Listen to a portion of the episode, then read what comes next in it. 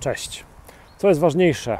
Jakość czy ilość, czy szerokość? To jest trudne pytanie, ale postaram się na nie odpowiedzieć. I czemu w ogóle sobie to pytanie zadaję? Otóż kilka dni temu na jednej z grup na Facebooku jeden z partnerów wydarzenia szczyt ubezpieczeniowy opublikował informację o tym wśród agentów ubezpieczeniowych właśnie, że taka konferencja, takie wydarzenie jak szczyt ubezpieczeniowy w Warszawie już się wkrótce odbędzie. No i tam jeden z komentujących, e, a każdy ma prawo do komentarza i do, e, i do opinii, tam jeden z komentujących napisał, że o, pana Marcina Kowalika e, materiały są słabe, nieprofesjonalne, te jego chatboty w ogóle też są kiepskie i w ogóle nie idźcie tam na tą konferencję.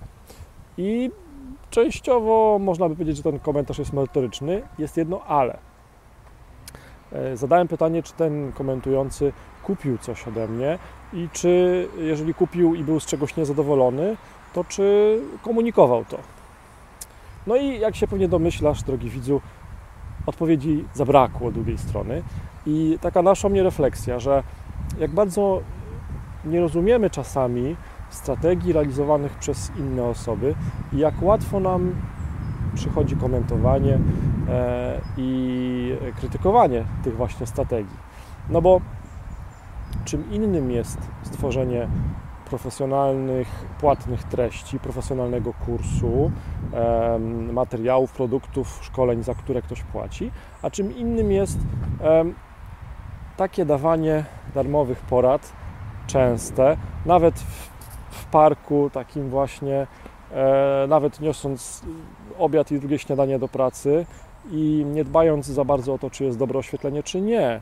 Mm, to są dwie osobne rzeczy. I teraz, jeżeli podejdziemy do tematu tworzenia treści w internecie, budowania swojego wizerunku w taki sposób, że chcemy budować dużo, produkować dużo treści, dawać dużo treści, dawać przede wszystkim dużo treści pomocnych innym ludziom, to zwyciężymy. Natomiast jeżeli będziemy starać się dopieszczać te treści, te darmowe treści, które prawie publikujemy codziennie, e, jeżeli będziemy starać się, żeby logo było idealne, żeby światło było idealne, żeby fryzura była idealna, to nigdy nie osiągniemy skali, na której nam zależy. Więc porada darmowa w tym nieidealnym materiale wideo i w nieidealnym materiale audio, bo audio z tego też powstanie. Porada moja na Twój biznes. Jeżeli budujesz swoją markę agenta ubezpieczeniowego, czy też agenta nieruchomości, doradcy finansowego, kogokolwiek, to zadbaj przede wszystkim o to, żeby w tych treściach, które często publikujesz, a musisz często publikować, zadbać przede wszystkim o merytorykę. A oprawa nie jest najważniejsza. To nie te treści nie muszą być idealne ani e, profesjonalne. Prawda się zawsze obroni, a prawda to jesteś ty i mm, Twoje prawdziwe oblicze i Twoje prawdziwe podejście do życia. Naturalność jest w cenie. Cześć, miłego dnia.